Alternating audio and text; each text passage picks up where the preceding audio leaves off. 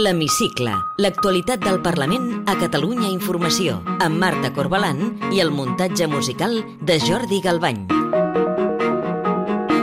Aquest bloc ha obtingut 65 vots a favor, 62 vots en contra i 8 abstencions. Aixequem la sessió. Catalunya començarà el 2022 amb nous pressupostos. Per primer cop en 12 anys, els pressupostos de la Generalitat entraran en vigor l'1 de gener. Esquerra i Junts han aconseguit aprovar-los aquesta setmana al Parlament, però amb un canvi d'aliances. El seu soci prioritari, la CUP, hi ha votat en contra i han estat els comuns els que han facilitat amb la seva abstenció que prosperin els comptes. Precisament avui entrevistem el portaveu d'en Comú Podem, David Cid. Benvinguts a l'Hemicicle. Els nous pressupostos inclouen una despesa rècord de més de 38.000 milions d'euros gràcies en part als fons europeus destinats a combatre els efectes de la Covid. El conseller d'Economia, Jaume Giró, ha agraït el suport dels comuns, però ha lamentat que la CUP no hagi avalat els comptes i confia recuperar-los com a socis. Aquests pressupostos, que per mi són els millors que poden fer, ja ho he dit, en aquest moment li falta una peça. Aquesta peça, una peça important, que és la peça del 52%, i que jo espero que a partir del proper mes de juliol del 22, quan espero començar a negociar els propers pressupostos, tornem a seure i aquesta vegada sí que ens posem d'acord. El ple dels pressupostos, però, ha servit per certificar la distància de la CUP amb el govern, com ha deixat clar la diputada Eulàlia Reguant. Cada cop tenim menys expectatives que tornin a l'acord, perquè la sociovergència republicana a Catalunya es va consolidant de forma accelerada i es fa molt difícil que això es pugui tirar enrere. Aquest govern avui no superaria cap qüestió de confiança en clau d'esquerres i independentista. La portaveu del PSC, Alicia Romero, s'ha desmarcat dels pressupostos i ha lamentat que el govern no hagi comptat amb el principal grup de la cambra per negociar-los. No hi ha res eh, que li pugui permetre dir a vostè que és un pressupost que marca l'inici d'una nova etapa, ni que són els pressupostos més expansius de la història, mmm, perquè són molt continuistes, diria fins i tot que el més vell estil convergent. Una crítica que ha molestat a la portaveu d'Esquerra, Marta Vilalta. No són uns pressupostos al més estil convergent. Els pressupostos potser típicament convergents els hauríem tingut si fos el PSC qui hagués condicionat aquests pressupostos. El diputat dels comuns, Joan Carles Gallego, ha justificat el suport del seu grup per responsabilitat. Quan un tomba uns pressupostos expansius no està perjudicant els partits del govern. El que està fent és perjudicar a la gent. Igual que el PSC i la CUP, Vox, Ciutadans i el Partit Popular també han votat en contra dels pressupostos. Sentim els diputats Antonio Gallego, Nacho Martín Blanco i Alejandro Fernández. Son, como decía antes, unos presupuestos Frankenstein aprobados para satisfacer a la extrema izquierda tan amiga de las políticas del decrecimiento. Crec que Catalunya necessita polítiques econòmiques moderades, no necesita políticas eh, forasseñadas. Es un presupuesto que no está orientado al crecimiento económico, está orientado a fortalecer su entramado político. En paral·lel al debat dels pressupostos, el PSC, Esquerra i Junts han aconseguit tancar aquesta setmana un acord que permet desbloquejar la renovació de diversos càrrecs institucionals que estaven caducats des de feia molt temps, com el Consell de la Corporació Catalana de Mitjans Audiovisuals o el síndic de Greuges. Té la paraula Hola, sóc el David Cid, portaveu parlamentari d'en Comú Podem. Aquesta setmana el govern ha aprovat els pressupostos de la Generalitat amb el suport del seu grup, dels comuns.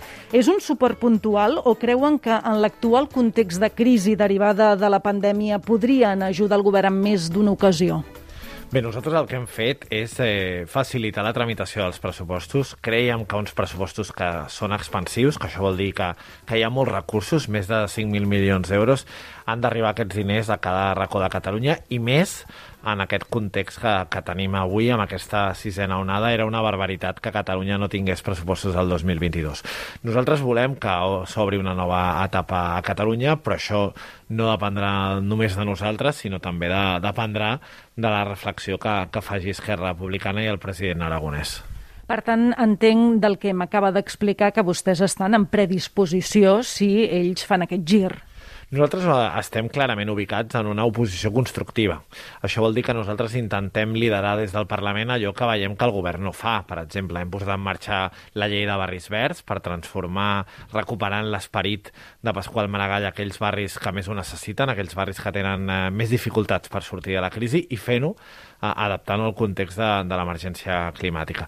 Hem permès també tirar endavant eh, el decret de renovables, que és molt important per fer aquesta transició ecològica, perquè Catalunya pugui fer el salt que necessita amb energies renovables després d'una dècada perduda i també hem permès la tramitació dels pressupostos. Però, com deia, nosaltres clarament eh, estem ubicats a, en aquesta oposició constructiva, que no és eh, una, no, una oposició que és del no a tot, però evidentment nosaltres creiem que, no, que Catalunya mereix i necessita un govern diferent a l'actual. El seu electorat entén que hagin avalat uns pressupostos que d'alguna manera també porten l'empremta de Junts per Catalunya?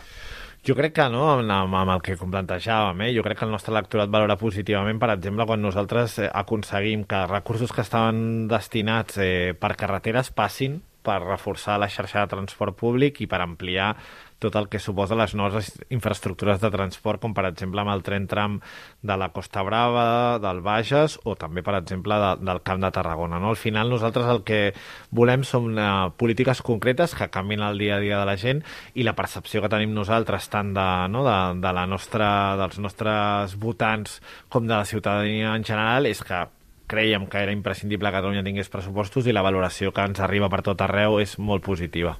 Els comuns han donat suport als pressupostos de la Generalitat a canvi que Esquerra hagi facilitat també els pressupostos de Colau a l'Ajuntament de Barcelona. Aquesta imatge de canvi de cromos, si em permet dir-ho així, eh, els hi agrada? Jo només puc agrair, evidentment, a la predisposició d'Esquerra Republicana d'entendre que en el moment actual i més veient el que estem vivint aquests dies és fonamental que pressupostos com el de Barcelona, que també creix pràcticament més de 300 milions d'euros i que té especial incidència en els barris que, que més ho necessiten, amb transformacions urbanístiques, però també molts recursos per, per reactivar la ciutat de Barcelona, que al final és la capital de Catalunya, doncs que finalment hagi entès que això era important i per tant haguem pogut arribar a un acord eh, també a Barcelona i per tant nosaltres agrair aquest canvi de posició també d'Esquerra Republicana. Si ara el president aragonès se sotmetés a la qüestió de confiança pactada en principi per mitjans d'aquesta legislatura, passaria l'examen per part dels comuns? Bé, jo crec que nosaltres, com deia abans, estem instal·lats en l'oposició constructiva. És un debat que, que encara no hem fet, però crec que el, no, si arriba aquesta moció de confiança, nosaltres jutjarem, evidentment, tant el que ha passat no, a, a, en el passat, sigui, el que ha, hagi fet aquests durant dos anys, però també el projecte de futur que, que plantegi. No? I quan arribi el moment doncs nosaltres valorarem, però sí que avui li puc dir que nosaltres estem en aquesta oposició constructiva i que no ha canviat eh, massa per no respecte a la situació de la investidura, però, eh, com deia, la prioritat és allò que, que pugui plantejar el, el president com a, com a horitzó de futur. Finalment s'ha desbloquejat aquesta setmana una de les carpetes polítiques que feia molt temps que estava oberta, que és la renovació dels càrrecs institucionals que depenen del Parlament i que tenien el mandat caducat, com la mateixa Corporació Catalana de Mitjans Audiovisuals o la Sindicatura de Greuges. Com valora els noms que s'han proposat? Jo crec que malauradament no, eh, traeix l'esperit de, de la llei, que tornem al repartiment de cadires entre els tres grans partits i a més sobretot és que els perfils dels noms concrets estan molt allunyats no, d'aquesta voluntat d'aprofundir en la pluralitat dels mitjans de comunicació i també en la seva independència. Al final, clarament són noms eh, vinculats directament a les estructures de partit i que la majoria de la seva trajectòria professional l'han feta vinculada a càrrecs eh, nomenats de partits o fins i tot directament sent càrrecs de partits, alguns en actiu, eh, i algun dels noms que és actualment diputat eh, de Junts per Catalunya en el Parlament, en el Parlament actualment. No? Per tant, jo crec que és una oportunitat perduda i està lluny del que nosaltres creiem que, no? que reclamava, que reclamaven també els propis professionals de, de la corporació, fins i tot també el sindicat de periodistes, i molt lluny del que nosaltres hem intentat amb les converses que hem tingut, especialment amb Esquerra Republicana i el PSC. Això vol dir que el seu grup votarà en contra de tota aquesta proposta de noms? Bé, encara ho hem d'acabar de, no? de, de valorar, però és evident que en, podem dir obertament que, que no ens agrada i insisteixo, sobretot eh, crec que respon clarament a un repartiment de, ca, de cadires entre aquests eh, tres grans partits i on posen els interessos de partit per davant dels interessos de la corporació i els interessos de, de país Quin paper ha tingut el seu grup en les negociacions o s'ha limitat a una negociació a tres bandes entre els principals, els tres principals grups de la cambra?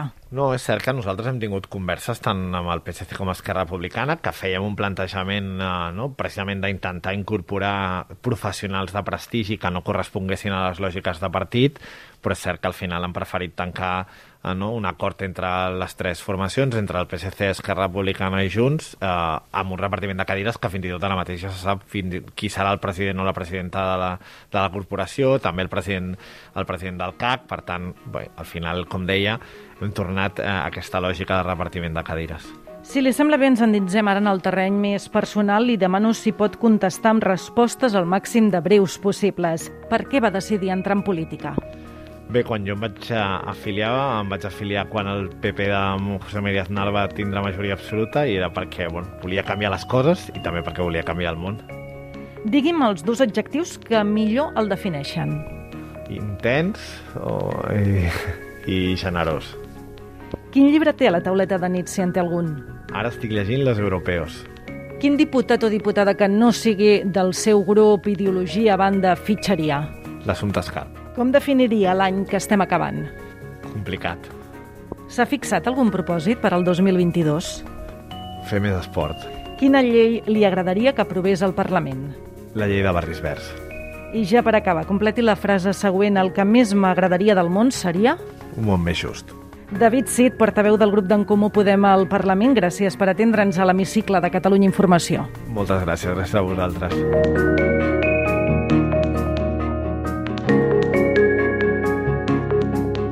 Podeu tornar a escoltar l'hemicicle al web catradio.cat barra hemicicle o al podcast del programa i seguir l'actualitat del Parlament al perfil de Twitter arroba L-hemicicle.